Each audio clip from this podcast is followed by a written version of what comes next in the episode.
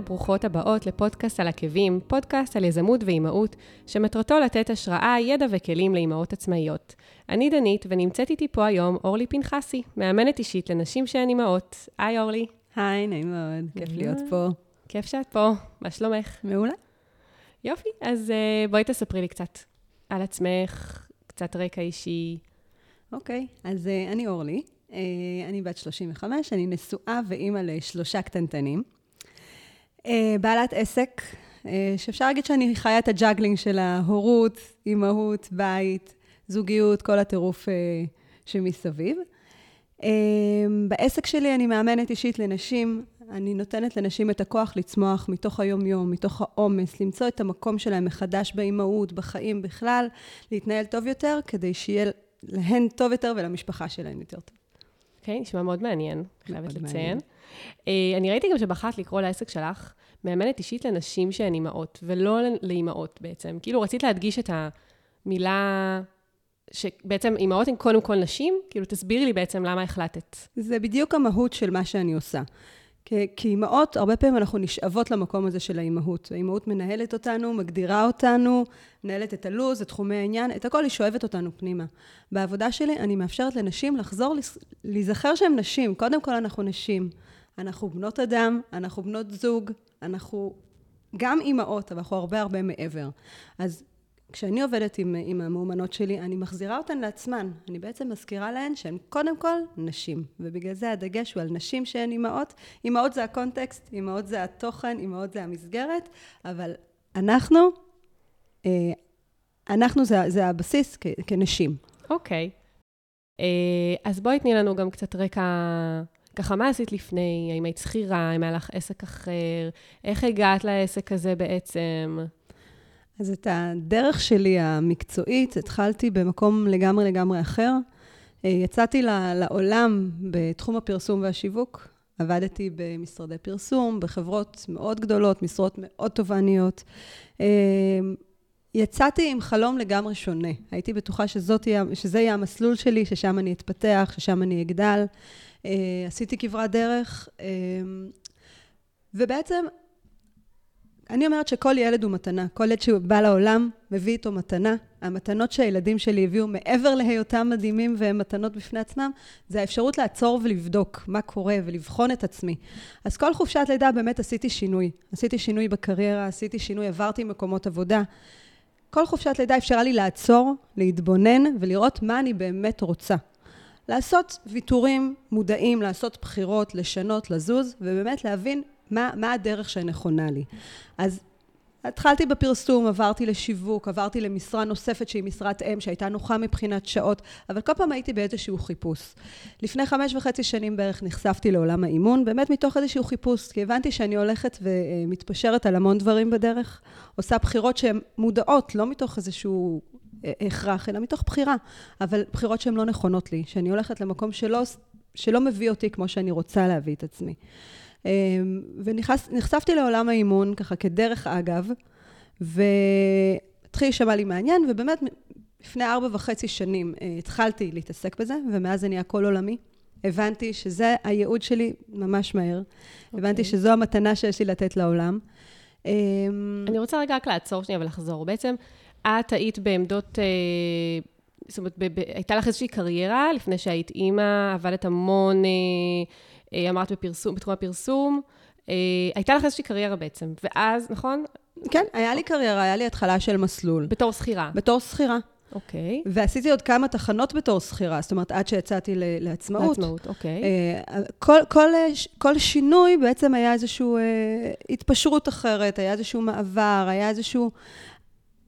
אז אני רוצה... התרחקתי יותר... מהבסיס שלי. זהו, אז אני רוצה יותר לגעת בזה, כי את אומרת okay. אוקיי. שכל חופשת לידה, mm-hmm. היה לך, עשית בעצם שינוי נוסף. אז חשוב לי ככה להבין, בעצם, אה, אילו, איזה תובנות כאילו קיבלת? איזה, אה, מה השינוי? מה הרגשת? Mm-hmm. מה, תתארי לי ככה קצת את התחושות, מה עבר לך בראש? אה, אז התחושות אה, היו... הם, הם השתנו גם בהתאם לצרכים, אבל uh, כשיצאתי לדרך היה לי חלום מסוים בתחום הפרסום, ואז שנולד לי הילד, הבנתי שתחומי העניין שלי השתנו. הילד הראשון. הילד הראשון. תחומי העניין שלי השתנו, סדרי העדיפויות שלי השתנו. פתאום אה, מחלום על קריירה מאוד מאוד גדולה, הבנתי שאני רוצה להיות אימא, ולא בטוח שאני אוכל לשלב אה, את האימהות שאני רוצה עם, אה, עם קריירה כל כך כל כך תובענית, במיוחד בתור מישהי שנשואה אה, לבעל שעובד המון שעות וכמעט לא נמצא בבית, והבנתי שפה אני צריכה לעשות איזושהי בחירה. ושם התחיל בעצם המסלול של החיפוש. אחרי חופשת לידה ראשונה עברתי למשרה יותר קטנה, ב... עדיין בתחום השיווק, אבל בחברה קטנה, חברה פרטית, וההתפשטות הייתה גדולה מדי, זאת אומרת, בגלל השעות, בגלל ההגדרות שהיו לי לתפקיד, זה התחיל להיות פחות זה, פחות מה שחיפשתי, פחות אה, קריירה מעניינת, יותר תפקיד שהוא... אה, יותר פקידותי, יותר, אה, את יודעת, פחות בעולם שחיפשתי. ואחרי חופשת לידה שנייה הבנתי שגם לשם אני לא אחזור, כי שם אני לא ממצה את עצמי וזה לא מה שאני שואפת לעשות. והלכתי לגמרי לתחום אחר, הייתי שנתיים וחצי בחברת ייעוץ, ועשיתי שם פרויקטים מסוימים, שגם זה היה מונחה שעות, זו הייתה עבודה מאוד נוחה, עבודה שעתית, עבודה שאפשרה לי לגדל את הילדים, אבל המהות, שוב, התפספסה לי בדרך. והרגשתי שאני רוצה להיות אימא, אבל עדיין לשמר עשייה משמעותית. להיות עדיין משמעותית במה שאני עושה, ומשהו שבאמת יביא אותי במלוא, במלוא מובן המילה, ולא רק להתפשר על נוחות או על uh, תפקודיות, מה שנקרא. Mm-hmm. זאת אומרת, אחרי חופשת הלידה השנייה בעצם, רק אז התחלת לחשוב על כיוון של, אוקיי, לא מתאים לי להיות שכירה כנראה, כי השעות לא מתאימות לי, אני לא מרגישה שאני ממצה. זאת אומרת, בוא נגיד, הייתה לך עבודה, החלפת את העבודה במקום עבודה שכן נוח לך מבחינת השעות, אבל הרגשת שכאילו זה לא זה, את, את כאילו מתפשרת על, בעצם על המימוש העצמי שלך, בהחלט. ואז בעצם פתאום אמרת, רגע, אולי בעצם, אה, אולי אני אהפוך להיות עצמאית? זאת אומרת, מתי התחילו לך התהיות על אה, הרצון להיות עצמאית? זה עוד לא היה שם, זה עוד לא היה שם. Uh, המחשבות על עצמאות בכלל לא, לא עלו לי בשלב הזה, אבל כן הייתי באיזשהו חיפוש של מה אני רוצה לעשות, מי אני רוצה להיות, מה אני רוצה להביא לעולם. תוך כדי בעצם החיים שמתנהלים, תוך כדי זה שאת עכשיו עובדת כשכירה ומגדלת את הילדים, ו... לגמרי. תוך כדי הכל, כל הזמן תוך בעצם... תוך כדי ההיריון עם הילדה השנייה, התחיל להתבשל בי ההבנה שאני רוצה למצוא משהו שיהיה נכון לי. ובאמת כל ההתפתחות של זה, וכל הלמידה של זה, וכל העיסוק בזה, אני עבדתי בזה ארבע שנים תוך כדי עבודות. זאת אומרת, כמשהו שבו אני מביאה את עצמי, שבו אני מממשת את עצמי, בו אני עושה משהו שאני אוהבת. זה היה תוך כדי. לקח לזה ארבע שנים להבשיל לכדי הבנה שאני בכלל יכולה לצאת לעצמאות, רוצה לצאת לעצמאות ויוצאת להרפתקה הזאת. אוקיי. Okay. אז, אז ניגע באמת בנושא, בעניין הזה של הבנת שאת רוצה אוקיי, הבנת שאת רוצה להיות עצמאית. Mm-hmm. מה, מה, מה עבר לך בראש? איך התמודדת? שיתפת את הבעל? אה, איך הוא קיבל את זה? איך... כאילו, בואי תתארי לי קצת. מהרגע שהבנת שאת רוצה להיות עצמאית, מה קרה? אוקיי, זה היה תהליך. אני אומרת, אני ילדתי ילד וילדתי עסק יחד, אה, כי ההבשלה וההבנה וההתפתחות של זה הייתה תוך כדי ההיריון השלישי, שבאמת הבנתי ש... אני רוצה לעשות את השינוי הזה, זה הזמן עבורי לעשות את השינוי. אה, לקח לי כל ההיריון לחשוב על זה, לצאת לחופשת לידה, לחשוב על זה. אה, ובאמת, הצעד נעשה תוך כדי חופשת לידה שלישית. כשהתחלתי באמת אה, לבחון את הדבר הזה יותר לעומק, מה המשמעויות של זה, איך זה הולך להיראות, מה, מה אני מוותרת תמורת העצמאות הזאת, זאת אומרת, מחיר מול רווח. והתחלתי באמת לשתף את הסביבה שלי, התחלתי לדבר את זה, התחלתי לפגוש נשים שעשו את זה, התחלתי לראות איך זה קורה ומה האפשרויות בכלל להוציא את זה לפועל. אה, היה המון המון לבטים, המון לבטים. אה, פחד טבעי, את יודעת, של לוותר על מקום בטוח ונוח אל מול הרפתקה שאת לא יודעת לאן היא תלך. כן. אה, אבל הסביבה מאוד תמכה. מאוד, אה, היה לי גיבוי מהבית, אה, תמיכה ש... מאוד גדולה. סליחה שנכנסתי לך לדברים. בעצם כשיצאת לחופשת הלידה, mm-hmm. את אמרת לעצמך, אני, אני יודעת שאני לפה לא חוזרת, זאת אומרת, אני יודעת שמפה אני יוצאת לחופשת לידה ומפה זה לעצמאות שלי, או שעוד אה, לא היית ככה סגורה על עצמך? אני הייתי די סגורה על עצמי. לקח לי עוד כמה זמן עד, ש, עד שהייתי מסוגלת לעשות את הצעד ולהגיד להם, זהו, אני לא חוזרת. אה, אבל, אבל הייתי בפנים, בפנים בבטן, ידעתי שאני, ש, שזה הצעד שאני הולכת לעשות.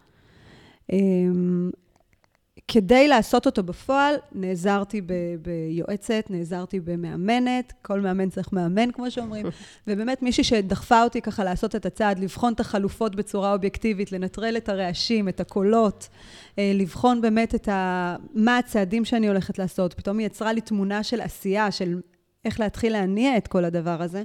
אה, וככה באמת עשיתי את הצעד, ויצאתי תוך כדי חופשת לידה עם ילד בבית, עוד כמה חודשים טובים עם הילד כמה בבית. כמה זמן הייתי איתו בסופו? הייתי בטוטל בבית? עשרה, 11 חודשים. וואו. כן. המון זמן. זאת אומרת, לא חזרת, המשכת, כאילו, המשכת בעצם את חופשת הלידה. ללא תשלום כמובן, זאת אומרת, בזמן הזה, אחרי שקיבלת את דמי לידה, נניח עברו שלושה וחצי חודשים, המשכת את החופשה ללא תשלום. יש את שלב האבטלה, כשאת עוזבת עבודה בתור... אה, אחרי חופשת לידה, okay. אז אוקיי. יש תקופה שאפשר לחתום אבטלה. אוקיי. Okay. אז היה איזשהו אה, קרש, אה, את יודעת... איזושהי תמיכה איזושהי, כספית, כן. כן, איזשהו ד... משהו שאפשר לעשות את המעבר הזה יותר בקלות. אה, וכאן, נשארתי עם הילד, אה, לקחתי את הזמן, ידעתי שזה זמן שלא יחזור ואני רוצה להקדיש אותו, mm-hmm. אבל תוך כדי התחלתי ליצור את הצעדים הראשונים שלי, מה שיכולתי לעשות, גם אחרי שהוא נכנס לגן, מן הסתם הוא היה חולה רוב הזמן, היה בבית רוב הזמן, זו תקופה שהיא לא קלה. מאוד. אבל uh, הייתי ממוקדת בעשייה שלי, והיה לי אורך רוח. את יודעת, להקים עסק זה אורך רוח. גם היום, uh, שנה משם, עדיין זה דורש המון... Uh, המון סבלנות, המון עשייה, המון התמדה, אה, ולהבין שיש הרבה עליות וירידות בדרך, וזה חלק מהעניין.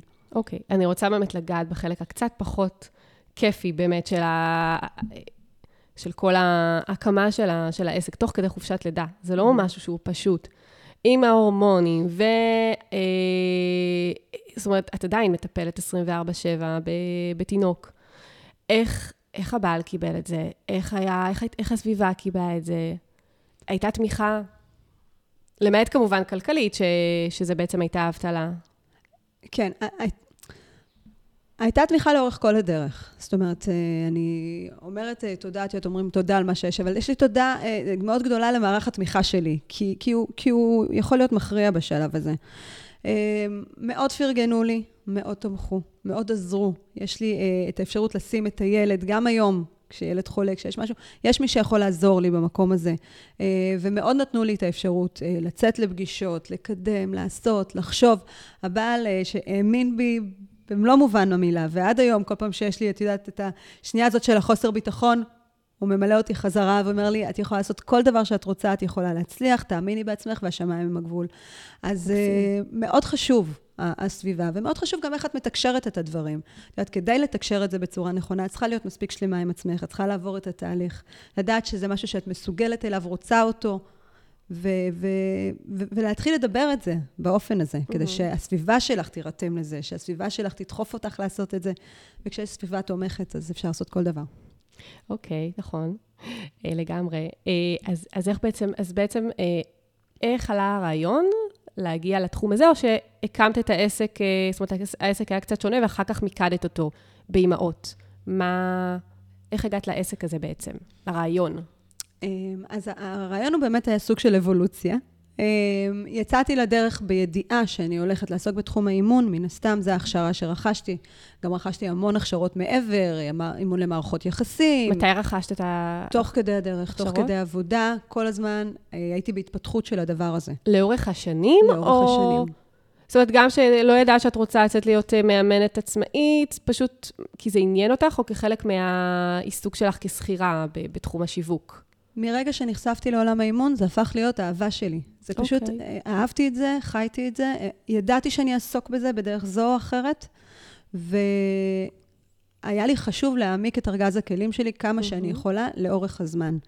ובאמת, כשיצאתי לעצמאות, אז כבר הייתי עם כברת דרך של למידה ושל כלים ושל התמחות ושל... יצאתי כבר אחרי שעשיתי דרך בתוך הדבר הזה. אוקיי. Okay. ובאמת, יצאתי ככה די לא יודעת. התחלתי לבדוק אה, איפה אני רוצה למקד את עצמי.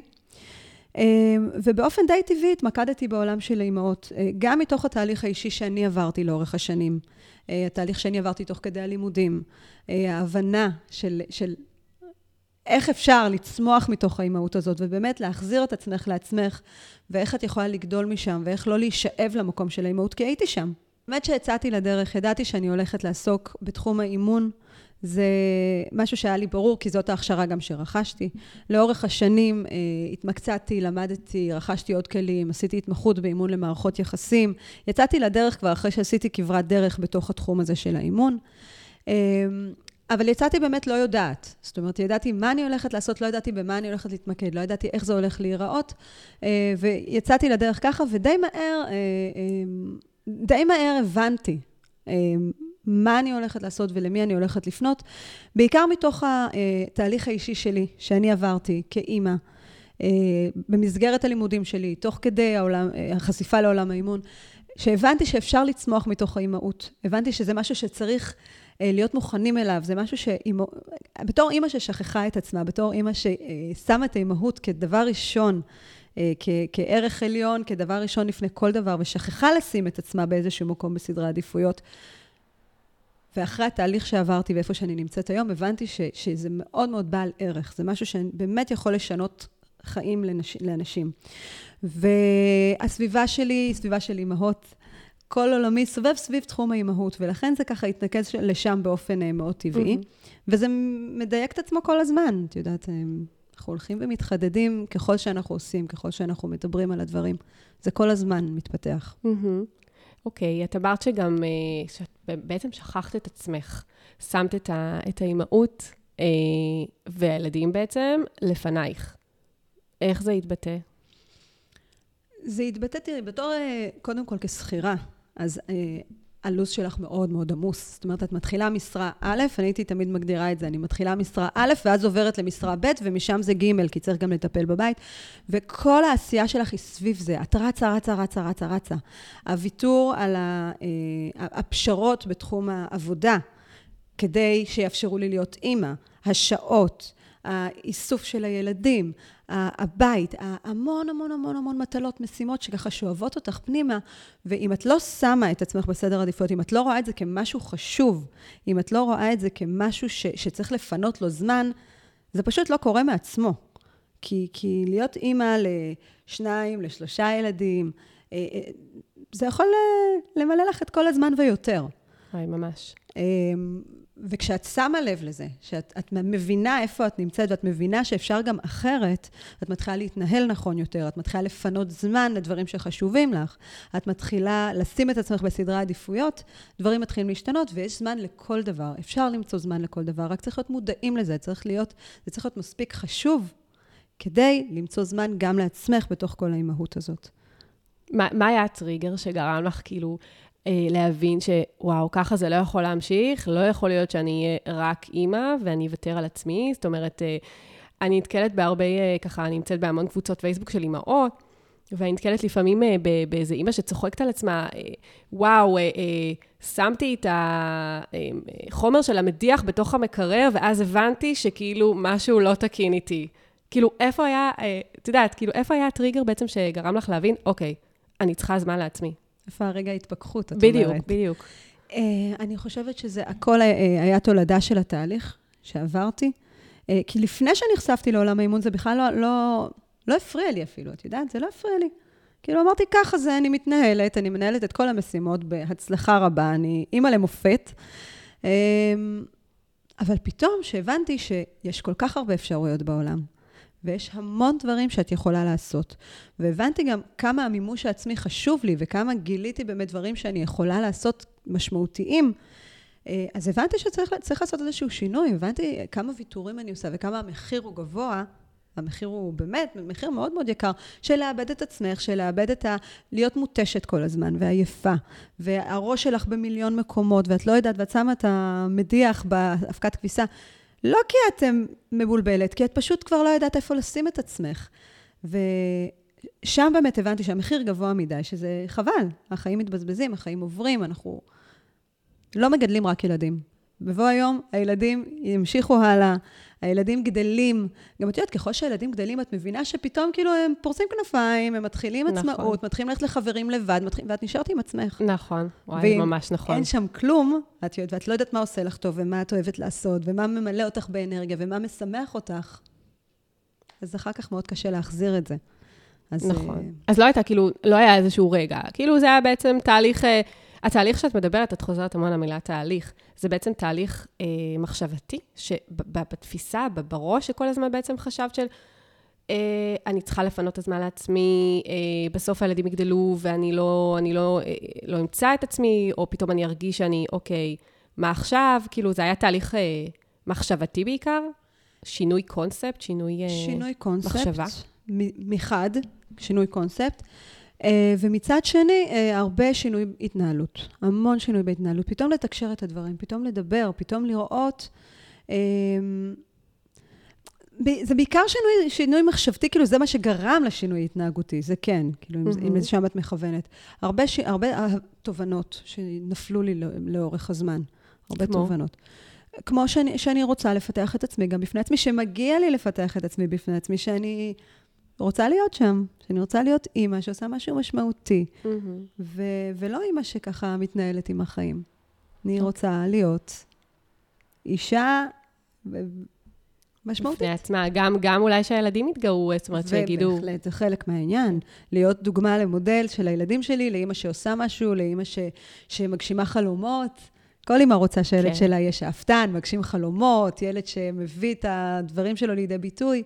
אז תהיי אימא כזאת. נכון, נכון לגמרי. כן. אוקיי, אז, אז בעצם את אומרת שהגעת לתחום, מיקדת את, ה, את העסק בעצם לתחום של האימהות, ואז איך יצאת לדרך? זאת אומרת, הבנת שאת, אוקיי, זה מה שאני הולכת לעשות, להיות אה, מאמנת לאימהות, לנשים שהן אימהות. מה עכשיו? איך, איך את מקימה בפועל? מה את עושה? הלאה. אמ, תהליך של הקמת עסק הוא למידה, כל הזמן. אנחנו לא נולדות בעלות עסקים, וזה דברים שאנחנו צריכות ללמוד כל הזמן. אז קודם כל, הקפתי את עצמי בנשות עסקים, וזה אולי הטיפ הראשון שאני יכולה לתת לנשים שיוצאות לדרך, להקיף את עצמן בסביבה תומכת, באנשים שעשו את זה, אנשים שעושים את זה. יש קבוצות נטוורקינג, יש אה, קבוצות עבודה, יש אה, המון פורומים. להיות מוקפת בזה, כדי להרגיש, קודם כל, לרתום אותך לעשייה. אה, לראות דוגמאות, לקבל השראה, להתייעץ, ללמוד במקום, בסביבה שהיא באמת בטוחה וככה מפרגנת ואוהדת. אז זה אולי הצעד הראשון שעשיתי, להתחבר לקבוצה כזאת של נשים כדי להיות אשת עסקים. אני עכשיו אישה עצמאית. ואני נמצאת בסביבה כזאת, וזה כבר מכניס אותך לאווירה ולעשייה. Mm-hmm. והתחלתי ללמוד, התחלתי ללמוד על כתיבת תוכן, התחלתי לדבר את זה, התחלתי לשכלל את התכנים שלי, התחלתי לאסוף את החומרים שלי, התחלתי לבנות את המוצר. Uh, הכל זה עבודה, עבודה. את יודעת, כשיוצאים לעצמאות, את חושבת שזהו, אני הולכת להיות מאמנת.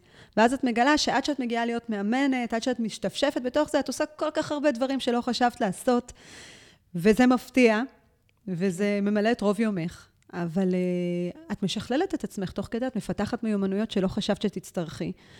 והתחלתי לכתוב, התחלתי לדבר, התחלתי למצוא מקומות שבהם אני יכולה להגיע לקהל שלי. התחלתי לעשות הרצאות בחוגי נשים בחופשת לידה. Uh, התחלתי uh, לפתח מוצרים, לעשות, להתחיל לשווק את זה.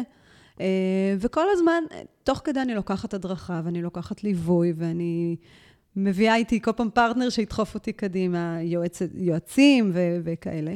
אמ, עד שזה מתגבש, עד שזה מתחיל לתפוס תאוצה, עד שזה מתחיל להיראות כמו משהו יותר מגובש ומובנה. תהליך. כן, לגמרי. אז בעצם, אה, השלב שבו בעצם העסק כבר היה ברור שהוא כבר עסק חי ובועט, זה היה כשהילד השלישי אה, כבר היה במסגרת, או שזה משהו שהקמת עוד כבר תוך כדי? לא, בזמן שהוא היה איתי בבית, אה, וגם בהתחלה הקשה של הגן, אה, זה היה בעיקר שלב הפיתוח. אה, לוקח זמן, לוקח זמן לצאת לעולם, לוקח זמן להיחשף. עד היום אני מגדירה את עצמי בשלב כאילו של בניית עסק, זאת אומרת, עסק חי, עסק עובד, אני עושה סדנאות, כבר שומעים עליי, מדברים, אני, יודעים, אני, אבל עדיין, זה כל הזמן זה שלב של בנייה ושלב של, את יודעת, של עליות, ירידות, זה עסק, זה משהו שצריך כל הזמן אה, להרים אותו. אז אה, אני עדיין בשלבי פיתוח כאלה ואחרים, אה, אבל זה היה אחרי שהילד יצא. כבר שיכלתי להתמקד, להתפנות לזה, ובאמת למקד את כל הפוקוס והאנרגיה בבנייה של הדבר הזה. כן, זאת אומרת, העסק בעצם עצמו קיים משהו כמו שנה, שנה. שנה. אוקיי, יחסית חדש בעצם. אה, אוקיי, ואיך בעצם הימים והלילות, אה, בוא נגיד, נראים כשאת צריכה לטפל בשלושה ילדים? אמנם הם במסגרות, אבל עדיין יש גם את אחרי, שעות שאחרי, אה, יש בית שצריך אה, גם אה, לטפל, כמו שאמרת, אה, אה, בעצם במסגרת השלישית, הש... כמו שהגדרת את זה בהתחלה. Mm-hmm. אה, איך בעצם, מה, מה סדר היום שלך בעצם? איך את מצליחה להתנהל? הסדר היום הוא מובנה אך גמיש. זה מאוד תלוי בתוכן של הימים. יש ימים של ימים של פגישות, יש ימים של אה, עבודה עצמית ופיתוח העסק, אז אה, זה מאוד מאוד משתנה בהתאם לזה.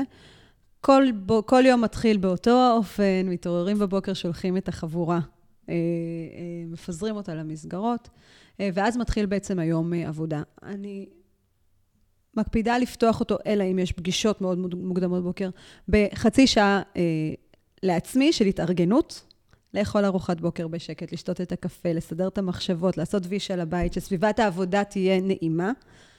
ומשם אני מתחילה לעבוד. זאת אומרת, אני לא נשאבת לעבודות הבית, אני לא מתחילה בעבודות הבית, גם כשאני עובדת שזה בבית. קשה. זה, זה קשה. קשה מאוד.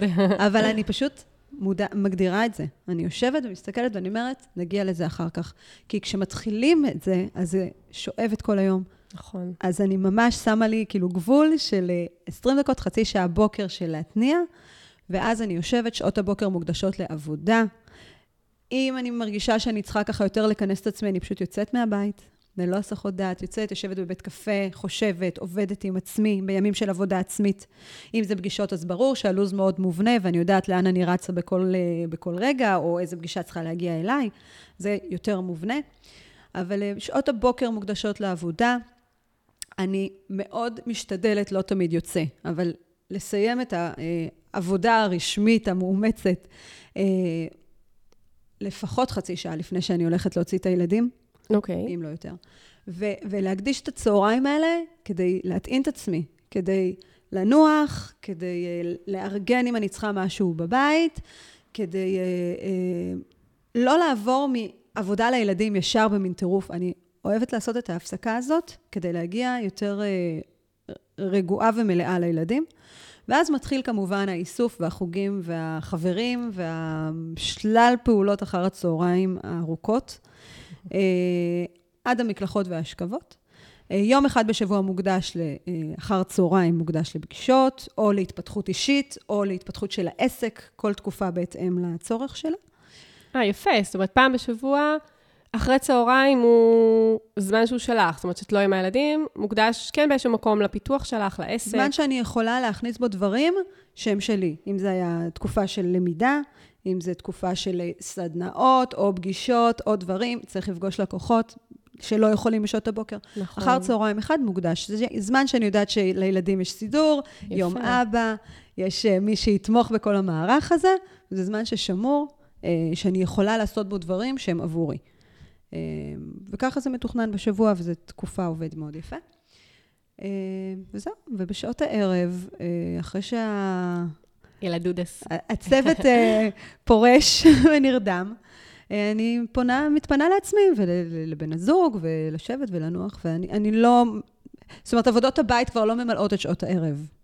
והעבודה עצמה, זאת אומרת, את עובדת נניח אחרי שילדים הולכים לישון, או שאת משתדלת שלא? אני משתדלת שפחות, כי אופי העבודה שלי לא, לא, לא מצריך את זה כל, כל, כל כך. זאת אומרת, אני, אין לי לשבת על עשרות מיילים ולהוציא הצעות מחיר. את יודעת, כל עבודה בהתאם לאופי שלה. נכון. אבל כן, יש לי, אחרי שאני משכיבה את הילדים, את ה-20 דקות, חצי שעה של להתעדכן, לראות מה פספסתי, אם צריך להעלות איזה פוסט, אם צריך אה, לפרסם משהו. זאת אומרת, ה-closure הזה של היום, וזה נשאר שם, אני לא, לא, לא שוקעת אל תוך אוקיי. הלילה בעבודה. אוקיי, okay, זאת אומרת, מצליחה לארגן לעצמך ככה סדר יום די uh, מסודר, שהשעות עבודה העיקריות הן בעצם במהלך היום, של היום. הילדים במסגרות. כן. אוקיי. Okay. Uh, ונניח כשאת איתם, יוצא לך... אה, אה, אמרת שלא, בעצם את לא עובדת. בכלל, כשאת איתם, את איתם, נטו. כולנו בעידן של אונליין, אוקיי? כן. כאילו, זו מחלה שמלווה את כל הדור שלנו ואת כל העולם שאנחנו חיים בו. אז גם אני לוקה במחלה הזאת לעיתים, מנסה להיות מודעת ו- ולא לעשות את זה, אבל כן, לפעמים, את יודעת, מתעדכנים, וזה תוך כדי כשמתאפשר של ילדים בחוגים וזה. מאוד משתדלת להיות ממוקדת במקום שבו אני נמצאת. אוקיי. כמה שניתן וכמה ש... שצריך, כמובן. אוקיי, okay. ואם נניח, אה, זאת אומרת, יש לך שלושה ילדים, אז אני מאמינה נניח שפתאום אה, מישהו חולה, זה פתאום כאילו נהיה אה, סריה כזאת של, אה, כמו רכבת כזה, אחד חולה, ואז מבריא, ואז השני חולה, ואז כאילו, יש תקופות, אה, אני מאמינה, שדי ארוכות של, בוא נגיד, אה, אה, איזושה, איזושהי מחלה שלא רוצה לעזוב מיטו, אני אומרת, זה לפחות אה, אצלנו. אה, זה ככה, פתאום אני חולה, ואז הילד חולה, ואז הבעל חולה, ואז זה כאילו לא זה, ואז מה, זה מנתק אותך נניח מהעבודה? זאת אומרת, מה את עושה במצב כזה? כי זה, אני חושבת שזה משהו שמעסיק, אה, אה, נראה לי, את כל, ה, כל האנשים שהם בכלל עצמאים, עצמאיות בעיקר, כי אין מה לעשות, לרוב אימא היא יותר אה, דומיננטית ב, ב, כשיש, אה, כשילד חולה, ככה אני, אני חושבת, נראה לי, לפחות מהאימהות שאני הכרתי, עצמאיות. כן. אה, זה מערער, זאת אומרת, זה פתאום כאילו יכול להיות איזה שבוע, שבועיים, שבוא נגיד אה, אין עבודה, את צריכה להיות נטו עם הילדים, אז אה, קודם כל זה משהו שמטריד כל, כל הורה, כל אימא, גם אם הוא שכיר וגם אם הוא עצמאי, נושא המחלות, נכון. נושא הבלת"מים, נושא השביתות, את לא יכולה לכל אחד נכון. לדעת מתי הם יישארו בבית. אבל אה, כן, בתור עצמאית זה מאוד משמעותי, כי את אה, באמת צריכה לעצור הכל, ו- ואף אחד לא מקדם את זה במקומך. אבל אני חושבת שדווקא פה היתרון של העצמאות שלנו, זאת אומרת, הגמישות, היכולת זה, זה עניין של, של מחשבה, של להבין שיש לפעמים עליות, יש לפעמים ירידות, יש לפעמים תקופות שהן יותר אה, פוריות בעבודה, ויש תקופות שהן קצת פחות. וזה, לפעמים, לפעמים בתקופות כאלה את מרגישה שעשית צעד אחד קדימה ושבע אחורה, אבל זה חלק מהתהליך. אני בעבודה שלי אני מאוד מנסה, זאת אומרת, להכניס אותה איפה שאני יכולה. כמובן, גם כשילד חולה בבית, זה שאני עובדת מהבית, עדיין אני יכולה להשחיל עבודה בין לבין. עכשיו, ככל שאת יותר אה, מנוהלת, ככל שאת יותר יודעת מה המשימות שעומדות בפנייך, ככל שאת יותר אה, ממוקדת, אז יותר קל לך להשחיל דברים תוך כדי היום. זאת אומרת, אם אני יודעת שיש לי כמה משימות לעשות, אז בזמן שילד ישן, אני מאוד ממוקדת ואני יודעת איך לעשות את העבודה שלי בצורה הכי יעילה. לצד זה, אני מרשה לעצמי גם, אני כאילו מרכזת את העבודה ומרפה כשהוא ער. זאת אומרת, אנחנו עושים את המינונים האלה כשצריך. ודווקא אני חושבת שכשילדים... אה, אה, בתקופות שילדים חולים, זה זמן לנצל למלא מלא דברים שאנחנו לא מספיקות לעשות. זה חלק מה... כן, זה, זה דברים שאנחנו לא חושבים עליהם, אבל אה, זה חלק מה... מה עכשיו, אני עבדתי על תוכן של אימא, אימא אפקטיבית, זו הסדנה שאני מעבירה. אה, שבאמת איך לנהל את הזמן שלך ואיך לנצל את הרגעים האלה, ש, שבעצם הם כביכול זמן מבוזבז. וככל שאת יודעת מה המשימות שעומדות לפנייך, אז, אז נגיד, אני עכשיו לא יכולה לעבוד בעסק שלי, אבל יש לי מיליון מיליון דברים אחרים שאני רוצה לעשות בבית, שאני אף פעם לא מגיעה אליהם. אז וואלה, זה זמן לנקות משימות, זה זמן להגיע לכל הדברים שלא הגעת אליהם בבית.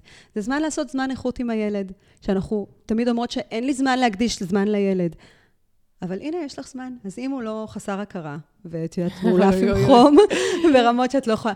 כי רוב הילדים הם לא. כשהם חולים הם נכון. מאוד מאוד פעילים, הם מאוד uh, שמחים וצמאים לתשומת לב. אז הנה נכון. זמן להשחיל את הזמן איכות עם הילד, דברים שאנחנו לא חושבים עליהם.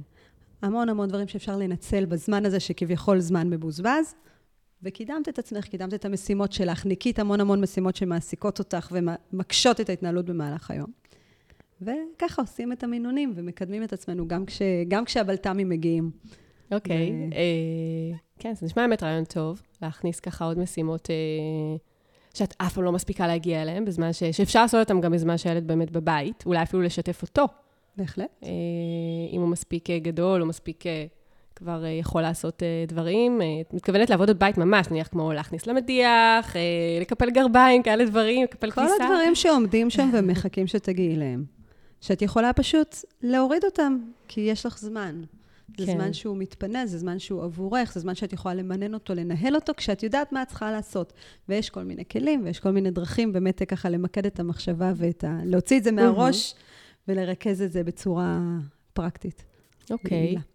אז זהו, נניח לפני uh, שבוע, ככה דיברתי עם מישהי שהיא עצמאית, והיא גם אימא לשלושה ילדים, והיא אמרה לי, וואי, זה נורא. הייתה עכשיו תקופה שפשוט שלושתם היו חולים, אחד אחרי השני, ואני שבועיים כמעט לא עבדתי. זה היה כאילו, זה היה ממש אה, במין אה, אה, טון של ייאוש, של תסכול. אה, ואחת כמה וכמה, אם זה מישהי שנניח כמוך, שגם את מעבירה בעצם סדנאות, וגם יש לך פגישות עם לקוחות. אז איך בעצם הלקוחות מקבלים את זה? זאת אומרת, אה, עכשיו יש לך ילד חולה בבית, את צריכה להיות איתו נניח כמה ימים בבית, את צריכה להתפנות אליו. מה את עושה עם הבלת"ם הזה מול הלקוחות שלך, מול uh, הרצאות או סדנאות שקבעת? אז אני מאוד מאוד משתדלת שלא לפגוע בפגישות ודברים שהם uh, לקוחות, פגישות, סדנאות, הרצאות. אני אשתדל ככל שאני יכולה לא להזיז. שם מערך התמיכה בא לידי ביטוי. Mm-hmm. זאת אומרת, אם יש לי פגישות, אז אני פשוט לוקחת אותו לסבתא, או דואגת שמישהו יהיה איתו. אם זה פגישות מחוץ לבית, אז להביא מישהו. אמ, ו... את העבודה האישית שלי, את עבודת פיתוח העסק, אני כן ממננת. זאת אומרת, אני כן מאפשרת לעצמי להיות איתו, ו- ולהשתמש במערך התמיכה איפה שאני באמת צריכה אותו, mm-hmm. על מנת שאני אוכל להמשיך לנהל את הדברים שמול אנשים. אמ, שוב, עניין של ניהול זמן, עניין של ניהול משאבים, של מה שיש לי ואיך אני עושה אותם הכי טוב. Mm-hmm. וכן, יש המון את המקום של התסכול והייאוש, וזה גם הקולות הפנימיים האלה שרצים לנו בראש, של הביקורת העצמית, של אני לא מצליחה, ואני צריכה לעצור, ומה קורה. זה עניין של להיות מודעים לקולות האלה, להיות אה, בחמלה מול הקולות האלה, כי אין מה לעשות, כי לא אנחנו לא אימהות, זה לא פשוט. אנחנו אימהות, ואנחנו רוצות, ואנחנו שואפות, ואנחנו עושות את המקסימום שאנחנו יכולות. לפעמים זה מצליח יותר, לפעמים זה מצליח פחות. לנסות לשמר את העשייה כמה שאפשר, להיות אה, אה, עדינה עם עצמך איפה שאי אפשר, כי אין מה לעשות, כי אין מה לעשות, זה החיים. ו, ו, ולנסות למצוא את המקומות שזה, זאת אומרת, להתרומם מהם. לא, לא, לא לשקוע בתוך המחשבות האלה, כי הן יכולות להיות משתקות. אבל אה, למצוא את הדרך כן. אה, להתעסק בעשייה ובמה שאת כן יכולה לעשות בתקופה הזאת. אוקיי, אוקיי, זאת אומרת, לנצל, אה, אם כבר נגעת באמת בעניין הזה של אימא אפקטיבית, אמהמ. אז בואי באמת תתני לנו ככה, אמרת שיש ככה כלים שאפשר, שאפשר בעצם להשתמש בהם, כדי להיות באמת, גם ברגעים הקשים האלה, אה, וגם בכלל, לנהל את הזמן בצורה יותר נכונה. כן, אז קודם כל להיות אימא אפקטיבית, זה, כמו שאני הגדרתי את זה, זה להיות אימא שצולחת את ה juggling של החיים, ומצליחה למצוא זמן גם לדברים שחשובים לה. אה, כי אם תשאלי אימא כמה דברים את עושה במהלך היום, אז היא תגיד לך, אין סוף משימות, ובאמת כל אימא היא, היא, היא סופרמן ויכולה לעשות המון המון המון דברים. אבל השאלה, איך את מסיימת את היום שלך? אם את מסיימת אותו עם הלשון בחוץ, אם הצלחת להגיע לדברים שחשובים לך, או שפשוט התנהלת מתוך המרוץ הזה של החיים. וחלק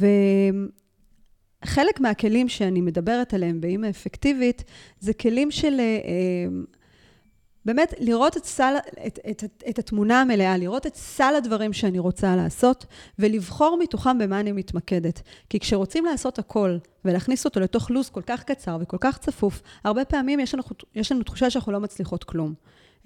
מי מאיתנו לא מלווה אותה התחושה של, וואי, כמה דברים רציתי לעשות, לא הגעתי לשום דבר. אז להגיע להכל זה כמעט בלתי אפשרי. להיות בכל מקום כל הזמן, זה בלתי אפשרי. להתמקד, לבחור כל פעם במה אני מתמקדת, ולהכניס את זה באופן שאני רואה את התמונה. יש אה, להסתכל על השבוע כשבוע כמכלול, ולראות איפה אני משבצת בו את הדברים שחשובים לי תחילה. ואחר כך למלא את כל יתר הדברים שממילא שם, זה מאפשר לנו אה, לפנות עוד זמן, זה מאפשר לנו לשים את עצמנו במרכז, זה מאפשר לנו להביא את הדברים שחשובים לנו לידי ביטוי ולידי עשייה. וככל שאנחנו מתמקדים כל פעם במשהו אחד, אנחנו רואות ש... את יודעת, יש משפט מאוד יפה שאומר, כשאתה אה, חושב על כל הדברים שאתה צריך לעשות, אתה מרגיש מוצף. כשאתה עושה דבר אחד, ממש. אתה מרגיש שהתקדמת. ממש. אז זה בדיוק על זה. זה בדיוק על זה, על להסתכל כל פעם על משהו אחד שאני רוצה לעשות ואותו לקדם. כי הכל לא נצליח. ו... זה יוצר את התסכול, נכון, זה הרבה פעמים קורה. זה יוצר המון תסכול, המון תסכול. אני רוצה לעשות ספורט, אני רוצה לעשות ספורט, אני רוצה לעשות ספורט, אבל אם אני לא אקדיש לזה זמן, אם אני לא אעשה את הבדיקות שמצריכות כדי להוציא את זה לפועל, זה לעולם לא יקרה. וזה יוצר המון עומס. המון עומס, המון תסכול, המון ייאוש, המון תחושה של חוסר מסוגלות, כי אני לא עומדת במיל, במילים שלי, לא עומדת ברצונות שלי.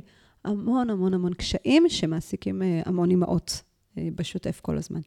אז את בעצם אומרת, בואו אל אה, תציפו את המוח עם המון המון משימות, בואו תיקחו, תתרכזו בשניים, שלושה דברים, נניח, שחשוב לכם, הכי חשוב לכם אה, לעשות בסדר עדיפויות. בין אם זה אישי או עסקי, זאת אומרת, זה לאו דווקא. בין כי... אם זה אישי, בין אם זה עסקי, בין אם זה משפחתי, בין אם זה דברים בבית. זאת אומרת, כל פעם למקד את עצמך במשהו שאת רוצה להתמקד בו, ולפנות לו זמן. וכשזה ממוקד, את פתאום תראי שוואי, מה הבעיה להשחיל את זה בתוך כל השבוע? אפשר. רק צריך להתמקד, וכדי להתמקד את צריכה לעשות חשיבה עם עצמך, את צריכה לעצור, את צריכה לראות מה כל הדברים שחשובים לי. זאת אומרת, יש, יש איזושהי עבודת הכנה. לראות מה הדברים שחשובים לי, ואז מתוכם לבחור. Uh, עוד דבר זה, זה באמת לנתק את. העומס הזה, אנחנו מוצפות, מוצפות, מוצפות, הכל הכל בתוך הראש, לאגד את זה, לרשום את הדברים, לנהל איזושהי אה, אה, רשימה מסודרת, כדי שנוכל באמת לנצל את הזמנים המתים כדי לקדם משימות. כל מיני כלים שהם מאוד מאוד שימושיים, שעוזרים לנו להתמודד עם ההצפה להתחיל בתנועה קדימה, בעסק, בחיים, בבית, בכל דבר. זמן מת. אני לא חושבת שיש אימא שיש לה דבר כזה, זמן מת. ילד חולה יכול להיחשב זמן מת בעיני אה, מסוים, אימהות מסוימות, כי וואלה, זה זמן שאני לא יכולה לעשות כלום, אני לא יכולה לעבוד, אני לא יכולה לקדם את העסק שלי, אני יושבת ו... אבל אם אני מתעלת אותו לקידום הדברים שאני צריכה לעשות, הוא זמן מאוד אפקטיבי. הוא זמן שאפשר באמת לנצל להמון המון המון דברים, רק שאנחנו לא חושבות על זה בדרך כלל, כי אנחנו מתנהלות בתוך היום, אנחנו לא מנהלות את היום שלנו. כן, נראה לי שזה קורה להרבה באמת, אה, לפחות מנשים שאני מדברת איתן, אז שהיום מנהל אותך, במקום שאת נגררת פתאום לעשות דברים אחרים, ולא באמת מה שאת רוצה להספיק לעשות. נכון. עכשיו, גם פה יש את עניין הבחירה. זאת אומרת, מה אני בוחרת לעשות? זאת אומרת, עבודות הבית הן שם, הן כל הזמן. ואם תרצי לעשות אותן, הן יכולות למלות לך שבוע, בינינו. כן, אם תרצי להתמסר לעבודות הבית. עכשיו, צריכים לעשות בחירה, מה יותר חשוב לי? במה אני, מה אני בוחרת טיפה לשחרר, מה אני בוחרת להרפות. זה גם מייצר הרבה זמן והרבה שקט כשאני בוחרת את המינונים של כל דבר, שאני בוחרת איפה לשים את עצמי יותר, איפה פחות. וכן, יש פה גם פשרות, ו, ו, ולהבין ש, ש, שיש מקומות שאפשר גם להתפשר בהם, ולא להיות הכי הכי בהם. כן. האמת, אה, אה, זה נשמע ככה שזה כאילו מאוד בא לך אה, באופן טבעי. זאת אומרת, יכול להיות שבאמת בגלל שאת יותר מודעת כמאמנת לאימהות, ואת גם נפגשת עם המון, המון נשים שהן אימהות, נשמע שזה בא לך מאוד מאוד טבעי. זאת אומרת, אני גם הרבה פעמים, נניח, רוצה אה, להתרכז בעבודה, ופתאום אה, אני חולפת על פני המסדרון, רואה את כמות הכביסה, וזה מטרטר לי במוח, וכאילו, אה, אוקיי, אז אני חוזרת לעבוד, אבל זה מטרטר שם איפשהו במוח. זה מאוד מאוד קשה לעשות את ה... זאת אומרת, זה נשמע שאת צולחת את זה ככה, מה זה מאוד בקלות? אה... זה, כן, זה חלק, זה, זה חלק מהעבודה. שלי על עצמי ושלי אל מול הדברים שחשובים לי, כי אני יודעת שאם אני אשאב למקומות האלה, אני פשוט לא אגיע לדברים שאני באמת באמת רוצה לעשות. להקים עסק, לפתח, לשבת, לחשוב. זה פשוט יגזול ממני המון המון זמן. אז זה גם היה חלק מתהליך והתפתחות. כי כשאת יודעת, לפני שיש ילדים, אז הבית תמיד נורא מסודר, והכל נראה כמו מוזיאון, והכל עומד כל הזמן כל כך כל כך יפה. ואז מגיע הילד הראשון, ואת עוד מנסה לסדר את הכל, וזה עדיין עדיין בשליטה. ואז מגיע הילד השני, ואת מבינה שאוקיי, אי אפשר כל הזמן לסדר את הבית, ואז מגיע הילד השלישי, ואת אומרת, טוב, פעם ביום.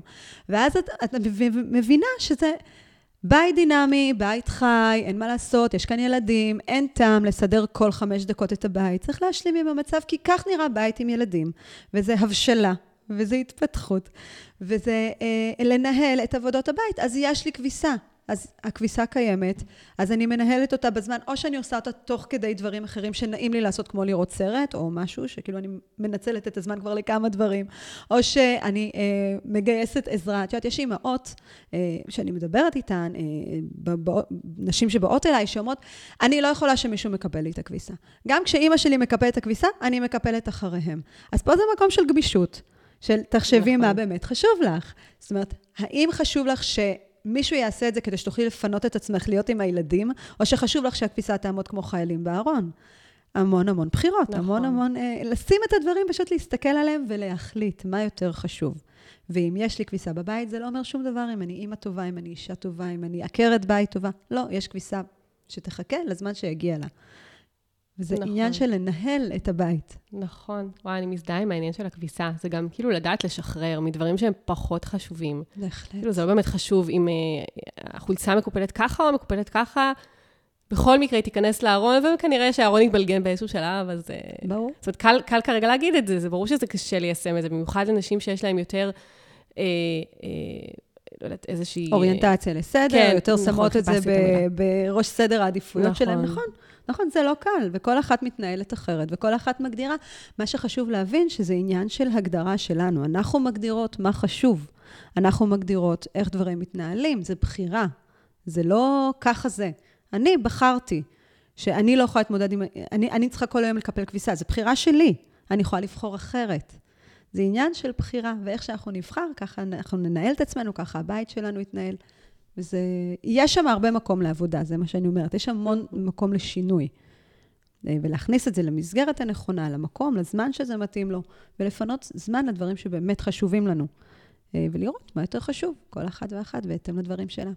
כן, זה נראה לי כאילו כל פעם צריך בעצם לעצור רגע, בתוך הכאוס, בתוך החיים ששואבים אותנו, והימים וה, שעוברים, ולהגיד, אוקיי, רגע, סטופ. אני יצאתי כרגע מאיזשהו, מהנקודה שאני רוצה להיות בה, בואו נראה איך אני חוזרת לשם. כאילו, נראה לי ככה, שכל הזמן את צריכה לעשות עצירה, להגיד, רגע, זה לא באמת מה שחשוב עכשיו, בואו אני אמקד את עצמי. ככל שאת יותר מיומנת ומתורגלת, זה קורה באופן יותר טבעי, אבל כן, כן, זה לעצור, זה לראות, זה, זה כל פעם כאילו להיות במודעות הזאת, לחזור למרכז שלך, לחזור לדברים שחשובים לך. כי כשאת מתרכזת בהם, הם קורים. כן, זה נכון. עניין של מיקוד. נכון, זה גם אימון של המוח, בסופו של דבר, כן. הכל זה עניין של פיתוח הרגלים, שינוי דפוסי, דפוסים, שינוי הרגלים. הכל זה עניין של עבודה עצמית. נכון. יפה, מעניין מאוד. אז, אה, אז בעצם אה, כמישהי שעובדת עם, עם אימהות, עם נשים שהן אימהות, mm-hmm. יש לך איזשהו ככה, בוא נגיד, אה, סיפור הצלחה, ככה יוצא דופן, משהו שככה מסיפורים שאת שמעת על...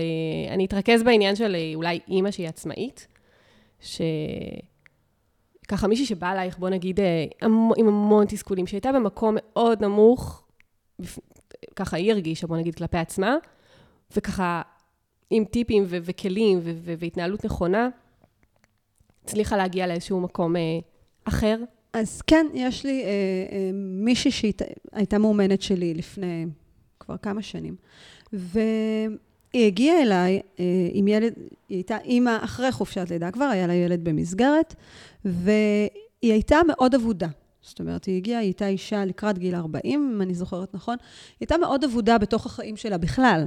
זאת אומרת, היא הייתה אחרי פציעה, אה, שלא אפשרה לה להמשיך בקריירה אה, ש, שבה היא הייתה לפני הלידה.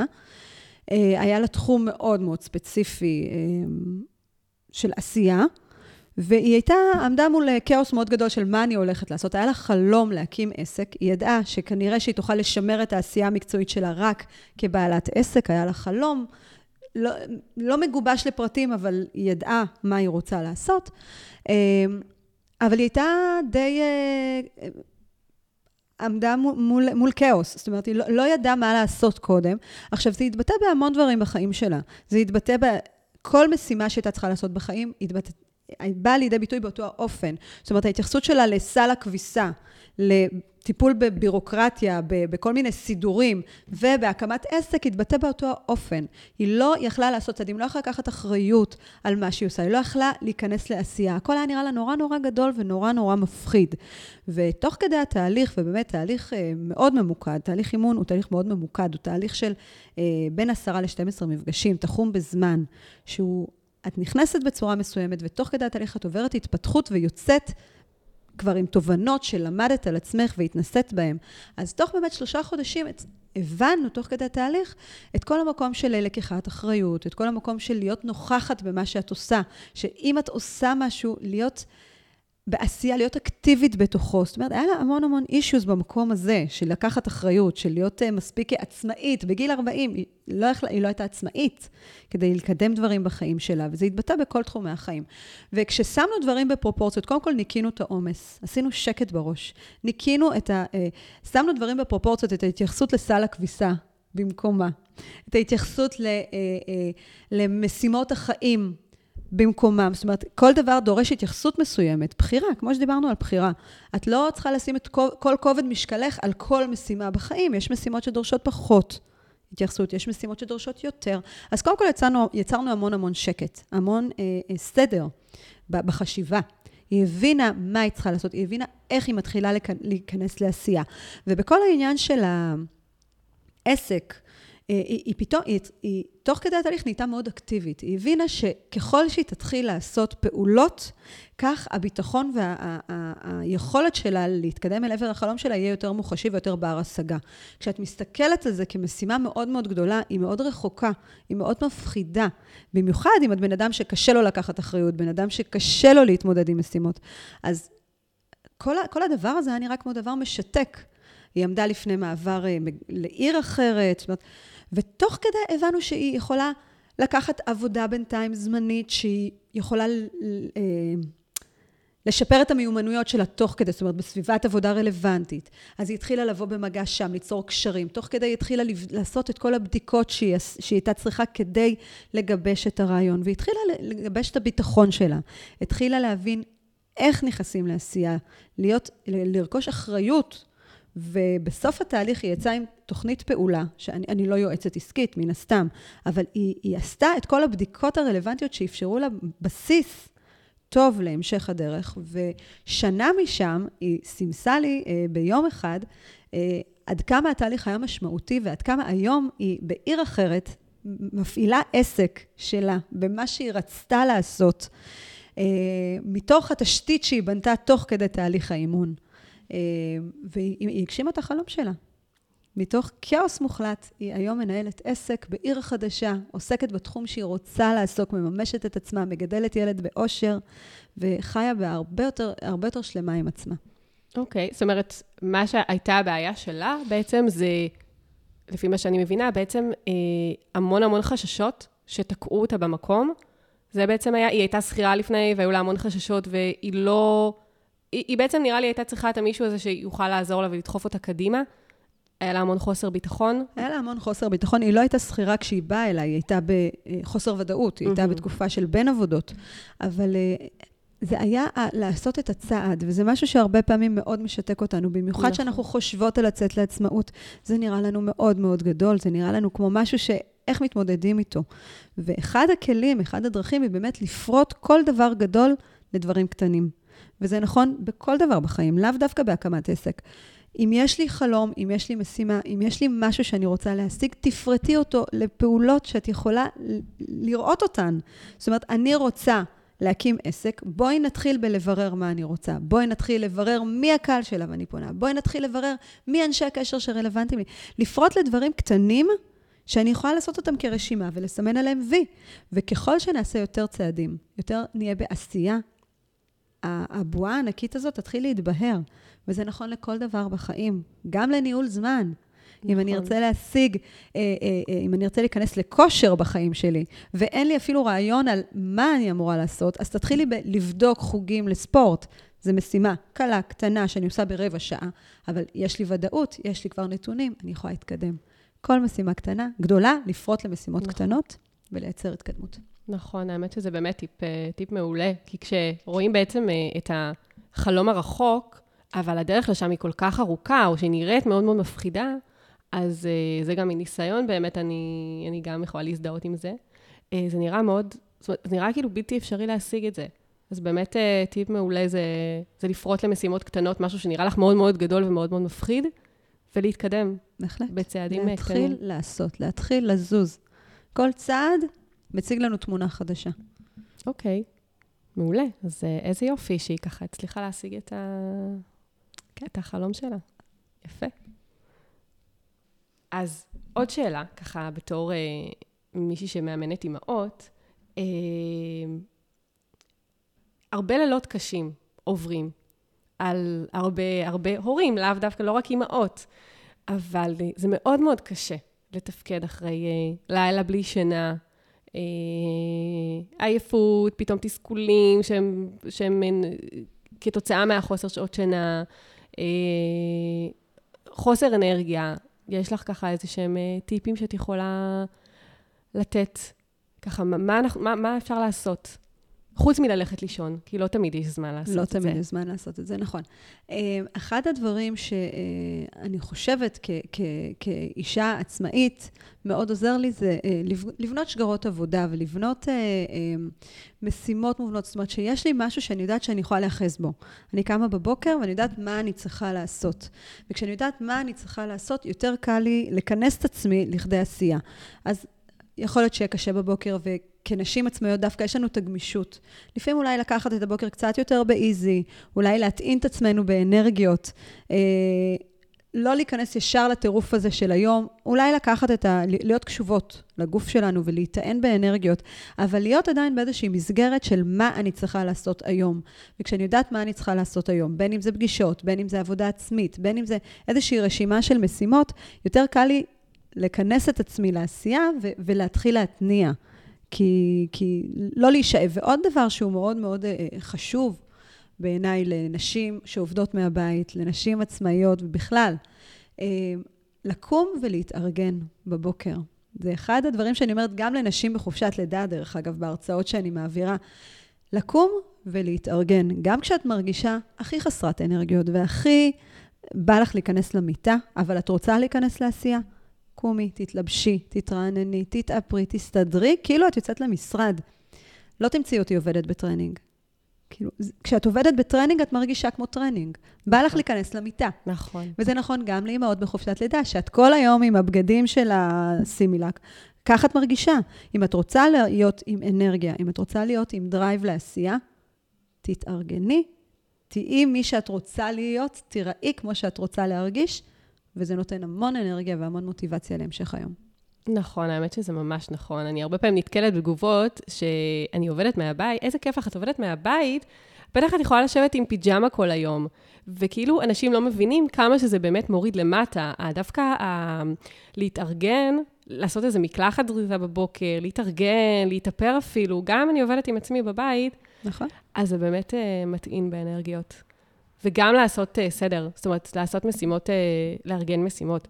כי אם את לא בטוחה מה את צריכה לעשות, או הכל מפוזר לך, אז את כאילו... הרבה יותר נכנסת... קל להתפזר. נכון. בהחלט. ואז העייפות משתלטת. נכון. יפה, אהבתי. אוקיי. טוב, אה, אורלי, נראה לי שיש לנו המון המון טיפים פה. אם ככה נסכם, אז אה, בעצם, אה, קודם כל, אה, מה שחשוב זה לפרק ככה למשימות קטנות את ה...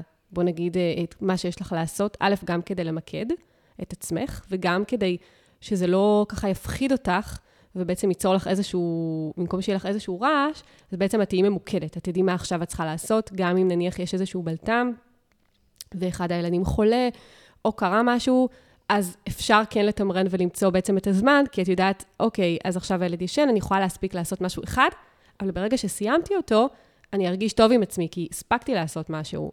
לגמרי. וגם uh, בעצם דיברנו על uh, לעשות uh, סדר עדיפויות בהקשר של מה יותר חשוב. נכון, יש כביסה, יש כלים, צריך גם לטפל בבית, uh, אבל uh, צריך לשים באמת כל הזמן לנגד העיניים מה הכי חשוב עכשיו. וכן לקחת עזרה, שזה משהו שגם uh, עלה פה, גם עלה ככה בשיחה הקודמת שלי uh, עם חן, שכן צריך, כן בעצם לקחת תמיכה איפה שאפשר, כדי כן להשלים שאפשר. את הפערים. בהחלט. הרבה פעמים אנחנו ככה אומרות, אנחנו מסוגלות לעשות הכל. אנחנו יכולות להכיל את הכל. אנחנו יכולות. השאלה על חשבון מה זה בא. נכון. על חשבון מה זה בא, חש... כן, נכון, תכלס, על חשבון מה זה בא. אה, מה עוד, אם אה, תוכלי ככה לסכם לנו? אה, נראה לי ש... אני חושבת שככה עברנו על הכל. אני באמת אה, אה, מזמינה אתכן אימהות, נשים, לעצור, לראות מה נכון עבורכן, לעשות מדי פעם ככה את ההתבוננות הזאת, לראות איך, אם אתן נמצאות במקום הנכון עבורכן, אם אתן מממשות את עצמכן, אם אתן uh, מוצאות זמן גם עבורכן, גם לדברים שחשובים לכם, למטרות שלכן, לא להישאב לתוך המרוץ הזה, לא לשים את עצמכן אחרונות בסדר העדיפויות, למצוא את הדרך להביא את עצמכן לידי ביטוי, לבנות את מי שאתן כנשים, כבנות זוג, כאימהות. לכל דבר יש מקום, אה, ועם חשיבה נכונה, עם כלים נכונים, לקחת עזרה, להיעזר במי שצריך, ולמצוא לכל דבר זמן. ולהיות okay. אוקיי. מאושרות עם עצמכם ושלמות כמה שאתן יכולות. מעולה, למרות שזה לא קל. זה לא קל, הכל זה עבודה. נכון. הכל זה עבודה. עבודה עצמית. אה, אוקיי, תודה רבה, אורלי, תודה על כל הטיפים. בשמחה. היה לי מאוד כיף לדבר איתך. גם לי. אה, בואי ככה תגידי ככה איפה ניתן להשיג אותך, למי שתרצה, בין אם זה שאלות בנוגע לראיון, בין אם זה לגבי אימון. אז uh, אני נמצאת בפייסבוק באורלי פנחסי, אימון אישי. הן מוזמנות להיכנס לדף שלי ולקרוא המון טיפים ולקבל ככה הרבה הרבה ערך. מעולה. תודה שהייתן איתנו בעוד פרק של פודקאסט על עקבים. תוכלו להאזין לכל הפרקים באתר podcastonheels.co.il או דרך הנייד, בכל אפליקציית פודקאסט שמועדפת עליכן. אם אהבתן את הפרק, אני אשמח אם תדרגו אותו ב iTunes, ואם יש לכן הערות, תובנות או שאלות, אשמח שתשאירו תגובה באתר. בנוסף, תוכלו גם להצטרף לקבוצת הפייסבוק שלנו, פודקאסט על עקבים, קהילת אמהות עצמאיות. בה תוכלו לשאול את המרואיינות שאלות נוספות וגם לשתף מהחוויות היומיומיות שלכן כעצמאיות שהן גם אימהות. לקבלת עדכונים על פרקים חדשים, עשו לנו לייק לעמוד הפייסבוק של פודקאסט על עקבים, והירשמו לקבלת עדכונים במייל. אז תודה רבה שהיית כאן. בשמחה, תודה שהזמנת אותי. בכיף, ביי ביי.